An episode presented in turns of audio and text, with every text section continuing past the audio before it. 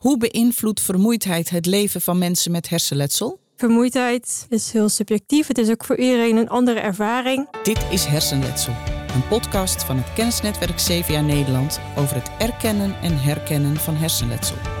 Deze podcast richt zich op verpleegkundigen en paramedici. De presentatie is in handen van journalist Reinier van de Vrie.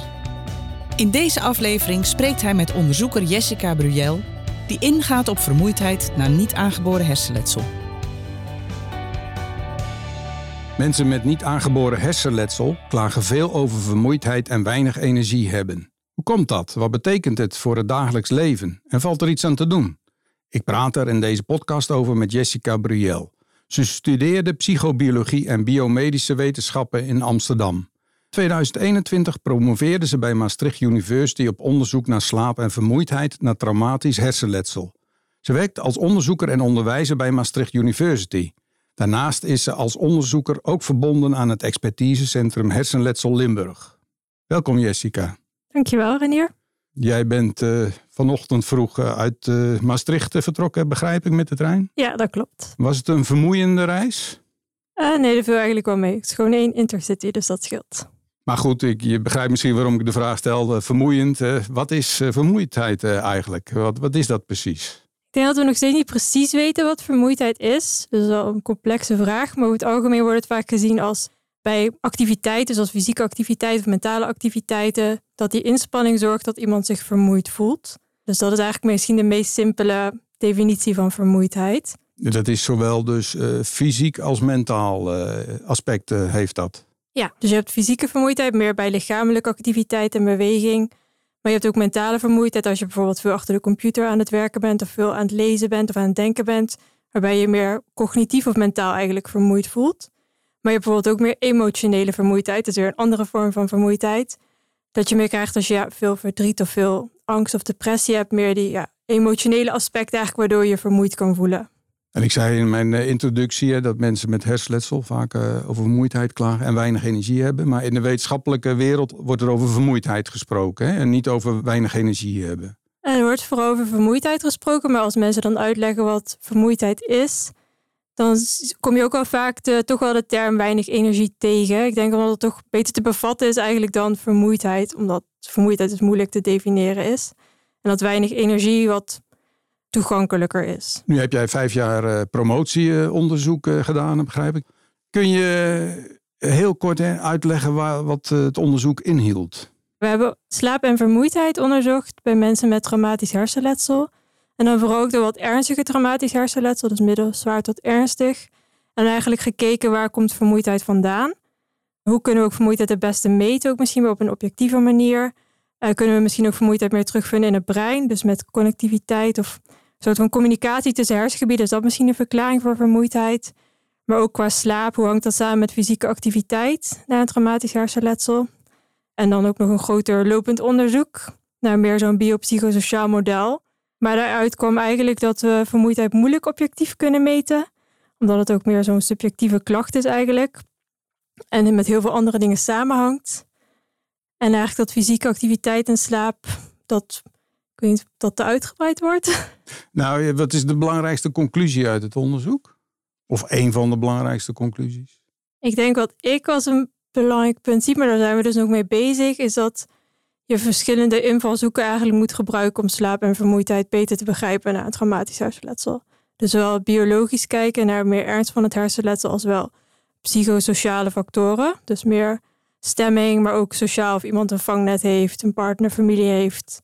Dat al dat soort factoren eigenlijk bijdragen en dat je niet zomaar kan zeggen vermoeidheid hangt hier alleen mee samen. Hoe komt het dat mensen na het oplopen van hersenletsel uh, snel vermoeid zijn? Ook daar hebben we niet eenduidig antwoord op, maar het wordt gedacht is eigenlijk dat dus door een hersenletsel er zijn er beschadigingen in het brein. Dus daardoor moet het brein eigenlijk harder werken om nog steeds dezelfde dingen te doen als hij het voor het letsel deed. Mhm. En door die extra inspanning kunnen mensen zich dan vermoeid gaan voelen. En ook door bijvoorbeeld de cognitieve klachten die vaak voorkomen na een hersenletsel, zoals moeite met concentreren of aandacht. Dat heeft eigenlijk effect op iedere alledaagse taak. Gewoon iets koken, iets opschrijven. Daar heb je allemaal concentratie en aandacht voor nodig. En als dat dus minder goed is door het hersenletsel, kosten al die dingen dus meer inspanning. En door die extra inspanning raken mensen vermoeid. Dus door de schade die het in het brein eh, bij de hersenen heeft eh, eh, veroorzaakt, moet je hersenen harder werken en geeft dat eerder vermoeidheid. Is dat een goede samenvatting? Ja, dat is een goede samenvatting. En hebben mensen dan vooral last van fysieke klachten of mentale moeheid juist meer? Of eigenlijk allebei? Meestal gewoon allebei, maar het is ook heel erg afhankelijk van de individu. Dus de ene persoon zal misschien meer over fysieke en mentale vermoeidheid ja, rapporteren, terwijl een ander misschien meer vooral mentale vermoeidheid rapporteert. Maar overal is vooral die mentale vermoeidheid die het meest hoort eigenlijk. En dat hangt ook meer samen met dat dus verminderd cognitief functioneren, want daar raak je dus ook mentaal vermoeid van. Dus dat horen we het meeste terug. En waarin verschilt het uh, van mensen die geen uh, hersenletsel uh, hebben, vermoeidheid? Zit daar een verschil in of, of is het eigenlijk precies hetzelfde gevoel? Nee, ik denk wel dat het goed is om je te beseffen dat iedereen natuurlijk vermoeid raakt. Het is niet een hersenletsel specifiek fenomeen. We kennen allemaal vermoeidheid. Maar ik denk wat kenmerkend is voor vermoeidheid na een hersenletsel is dat het iemand veel meer kan overvallen. Dus dat mensen gewoon in één keer heel vermoeid raken. Iets wat ze voor het letsel nog nooit hadden. Eigenlijk dat ze in één keer zich heel erg vermoeid voelen. En dat ze niet echt een duidelijke aanleiding hebben waarom ze zo vermoeid zijn ineens. En doordat het zo overvalt en zo onduidelijk is waar dat vandaan komt, leidt dat ook tot extra frustratie en moeite natuurlijk met het begrijpen ervan, wat dan tot nog meer vermoeidheid leidt. En ook periodes van rust, meestal als wij misschien vermoeid raken, dan slapen we een nachtje goed, dan nemen we wat rust en dan voelen we ons weer prima. Terwijl we iemand met een hersenletsel, als ze dan rust nemen, dan is die vermoeidheid niet helemaal weg. Die blijft dan vaak gewoon toch nog een beetje zo door zijpelen, laat maar zeggen. Ja. En ik denk dat dat ook heel kenmerkend is, dat gewoon die rust nemen, dat dat vaak niet voldoende is om je weer helemaal normaal of goed te voelen. En wat, wat betekent vermoeidheid voor, voor denken, voor voelen, voor handelen? Um, ik denk dat het overal veel invloed op heeft. Ik denk vertraging, dat je langzamer denkt, ook langzamer informatie verwerkt eigenlijk. En zoals ik al zei, qua gevoelens, als je vermoeid bent, dan voel je vaak ook minder goed, misschien wat eerder somber. Qua handelen, ja, ook daarin vertraging qua handelen. Misschien dat je ook anders handelt door de vermoeidheid. Dat mensen ook sneller boos worden of sneller verdrietig worden. Ook doordat het zo oncontroleerbaar is, die vermoeidheid. Dat je, als je in één keer zo vermoeid voelt en mensen begrijpen dat misschien ook niet, kan het natuurlijk voor frustratie of boosheid zorgen, die je dan zelf misschien niet meteen linkt aan die vermoeidheid, maar die er wel vandaan kan komen. Hoe kun je als zorgverlener nou vermoeidheid uh, vaststellen? Sowieso natuurlijk vragen aan de patiënt van hoe vermoeid voelt u zich? ze misschien zelf ook een idee hebben waar die vermoeidheid vandaan kan komen. En of dat ook een andere vermoeidheid of meer vermoeidheid is dan dat ze voor het letsel hadden. En om te kijken waar die vermoeidheid vandaan komt, zouden mensen ook uh, herhaald kunnen meten eigenlijk. Dus vragen of mensen een dagboekje bijhouden of misschien op een app op hun telefoon. Herhaaldelijk per dag aangeven hoe vermoeid ze zich voelen. Ook wat ze aan het doen zijn. Of er nog andere gevoelens zijn, zoals somberheid. Ze daarvoor misschien gesport hebben, om zo ook meer patronen te ontdekken in waar die vermoeidheid vandaan komt. En op die manier dus ook misschien een gepaste behandelingen vinden. Want gepaste behandelingen, zijn er therapieën of zijn er behandelingen mogelijk?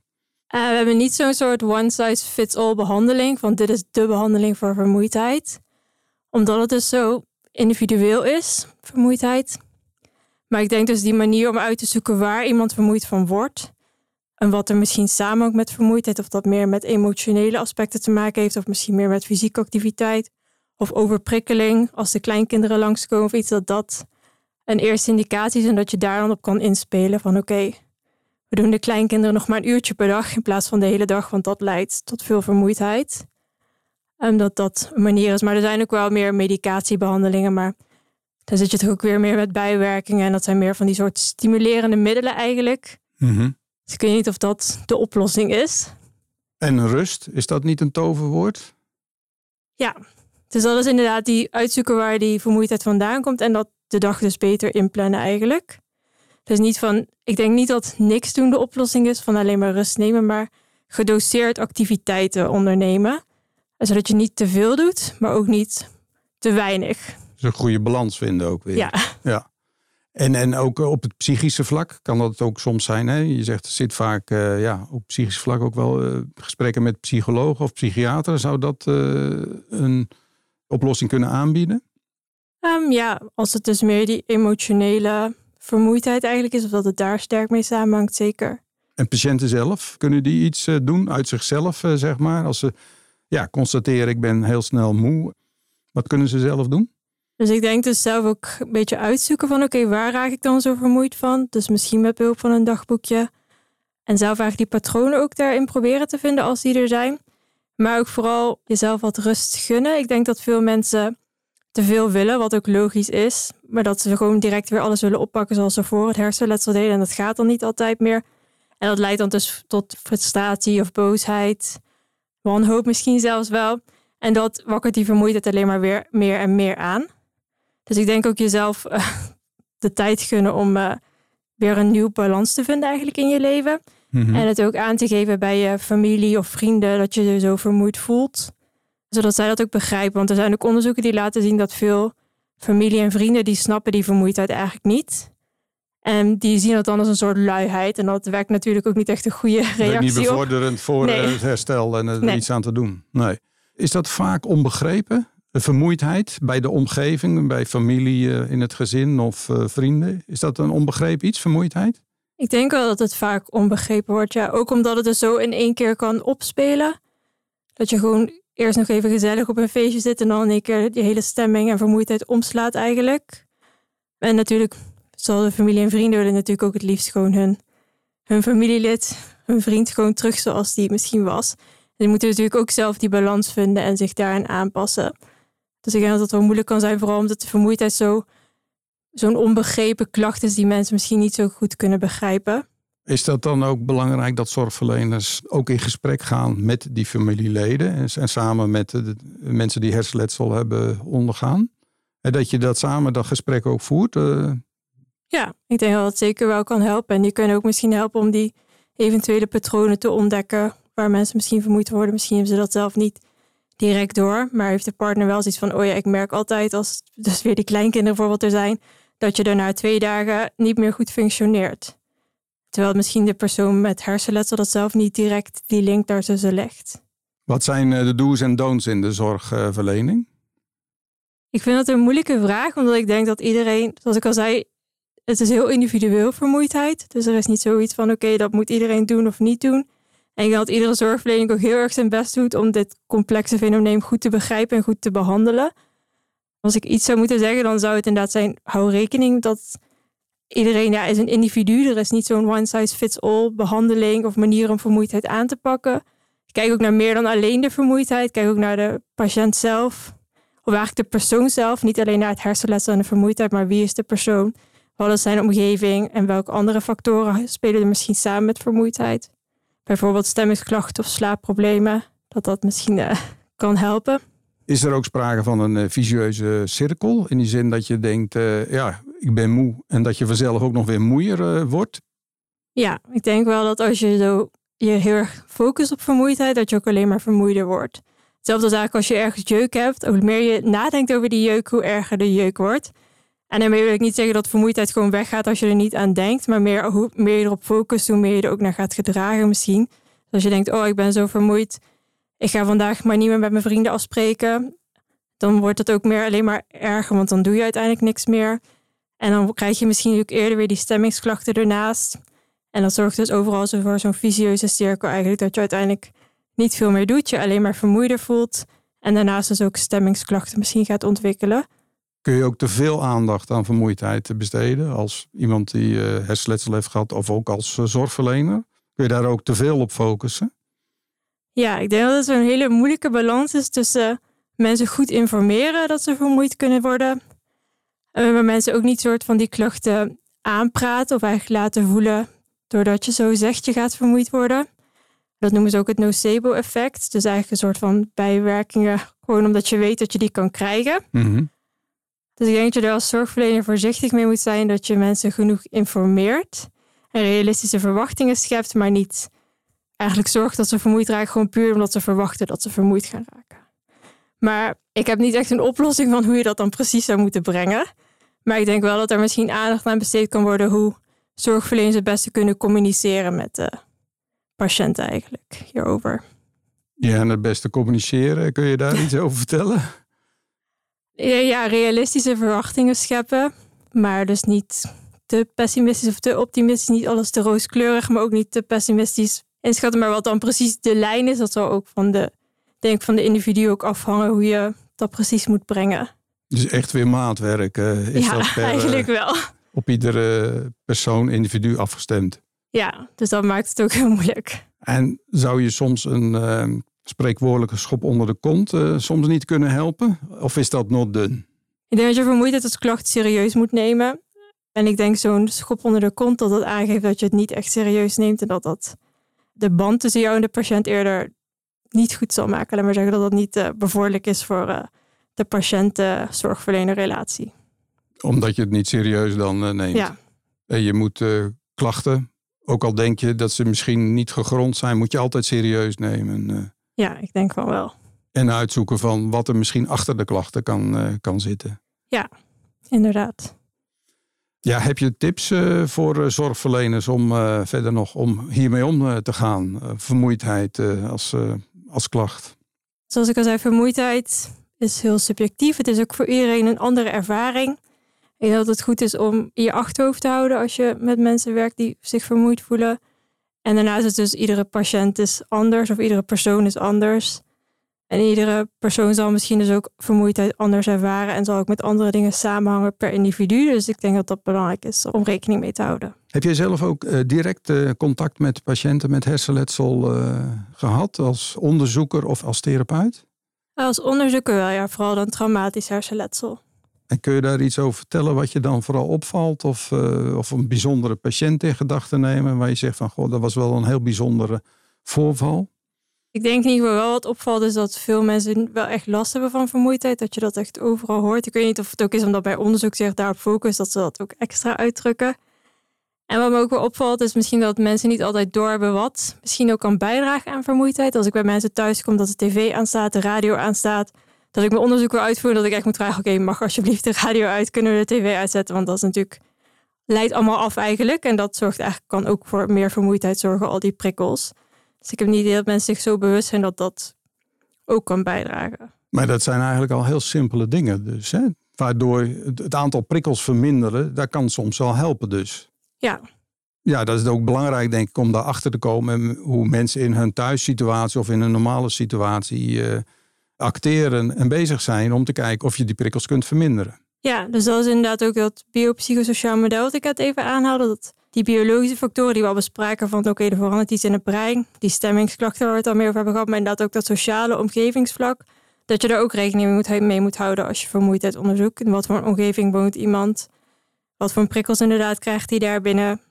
Ook als iemand weer terug wil naar werk. Wat voor omgeving is dat? Kan iemand daar rustig werken? Kan iemand daar ook een pauzetje nemen? Of is dat zo'n hele drukke omgeving waar iedereen continu iets van je wilt? Want dat is natuurlijk al dat wisselen, switchen van aandacht op andere taken, dat kost ook heel veel energie. Dus ook in de werkomgeving is belangrijk dat daar rekening mee eh, gehouden wordt. En dat zo mogelijk ook situatie aangepast wordt, waardoor misschien ook weer minder prikkels eh, zijn.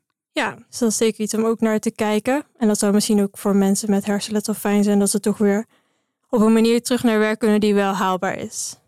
Toch ook nog even over de relatie tussen slaap en vermoeidheid. Kun je zeggen wat de relatie tussen uh, slaap en vermoeidheid is? Ik denk vanuit gewoon onszelf natuurlijk, als we niet goed slapen, dan voelen we ons snel vermoeid de volgende dag. Dus zeker, slaap heeft wel invloed op vermoeidheid. Maar ik denk ook wel dat het belangrijk is om te beseffen dat het niet een één op één relatie is. Dus dat vermoeidheid niet altijd veroorzaakt wordt door slecht slapen, maar dat slecht slapen wel een van de oorzaken kan zijn van vermoeidheid. Maar dat er dus ook nog heel veel andere oorzaken kunnen zijn uh, voor vermoeidheid. En kan vermoeidheid ook weer leiden tot slapeloosheid? Ja, en dan vooral dat dus te veel bezig zijn met vermoeidheid, uh, die overbelasting. Dat je heel erg vermoeid bent, dat kan er juist ook voor zorgen dat je slechter slaapt. Ja, zorgverleners, uh, ja, hoe kunnen die nou rekening houden met mensen met hersenletsel die, en vermoeidheid? Hou rekening met de individu. Kijk naar wat, waar vermoeidheid misschien vandaan komt bij die persoon. En dat het dus heel erg varieert per persoon eigenlijk, vermoeidheid. Uh, dus hou daar vooral rekening mee. En neem zoiets als vermoeidheid ook serieus. Jessica, mag ik jou dan uh, hartelijk danken. Uh, ik denk dat het belangrijk is dat zorgverleners ook aandacht hebben voor het probleem van vermoeidheid. En hartelijk dank voor je komst. Dankjewel. U luisterde naar Hersenletsel, de podcast van Kennisnetwerk CVA Nederland over gevolgen van hersenletsel. Andere afleveringen zijn er met Rutger Slump over zijn ervaring na een herseninfarct, Met Frank Wiendels over gedragsverandering, met Joost Heutink over visuele stoornissen en met Lianne van Dam over cognitieve gevolgen. De podcasts zijn te beluisteren via Spotify, Apple Podcasts, via jouw favoriete podcast-app en op de website van kennisnetwerk CVA Nederland. Deze podcast is mede mogelijk gemaakt door de Hersenstichting.